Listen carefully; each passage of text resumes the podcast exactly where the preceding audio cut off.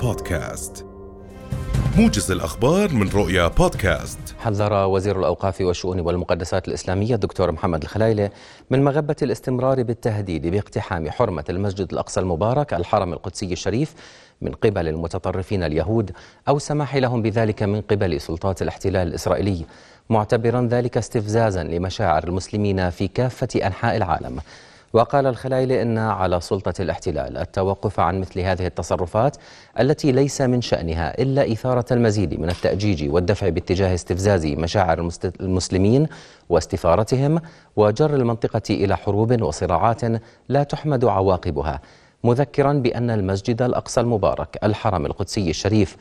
إنما هو حق خالص للمسلمين من أدنى أرضه إلى أعلى سمائه. لا يشاركهم ولا يقاسمهم فيه أحد من الناس. وترعاه وصاية هاشمية مجيدة تذود عن حرمته ليكون مكانا لعبادة المسلمين. وكانت قد انطلقت صباح اليوم دعوات فلسطينية داخل الأراضي المحتلة عام 48 بحضور الحشد بضرورة الحشد والزحف نحو المسجد الأقصى المبارك لحمايته من التهويد ومخططات الجماعات الاستيطانية للاحتفال بداخله.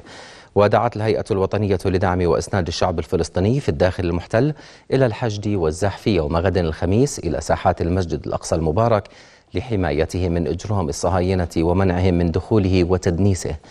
وتزامن ذلك مع دعوات أطلقتها جماعات استيطانية لأنصارها بالمشاركة في اقتحام الأقصى صباح الخميس والاحتفال بما يسمى بعيد الاستقلال. احتفالا بعيد الفطر السعيد وبهدف نشر البهجة والفرح على وجوه الأطفال في محافظة الزرقاء عملت فرق تطوعية على توزيع ألف هدية على أطفال أحياء حي الحسين وشبيب وشاكر وغيرها. ويقوم العاملون على توزيع الهدايا بالتجول في الحارات الشعبية وتوزيع الهدايا على جميع الأطفال لرسم السرور على وجوههم احتفالا بالعيد. قال رئيس بلدية ماريوبول فاديم بويتشينكو اليوم إن مجمع أزوفستال في المدينة يشهد معارك عنيفة وذلك عقب تأكيد موسكو أنها لا تشن هجوما على المصنع الضخم الذي يتحصن فيه مقاتلون أوكرانيون.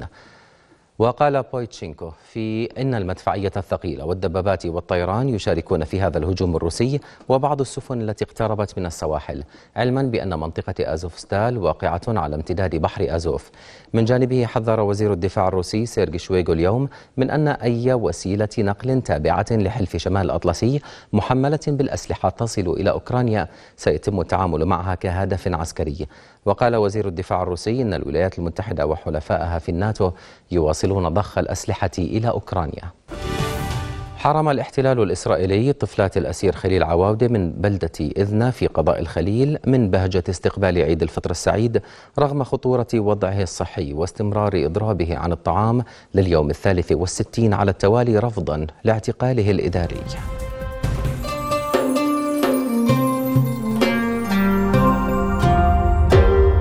رؤيا بودكاست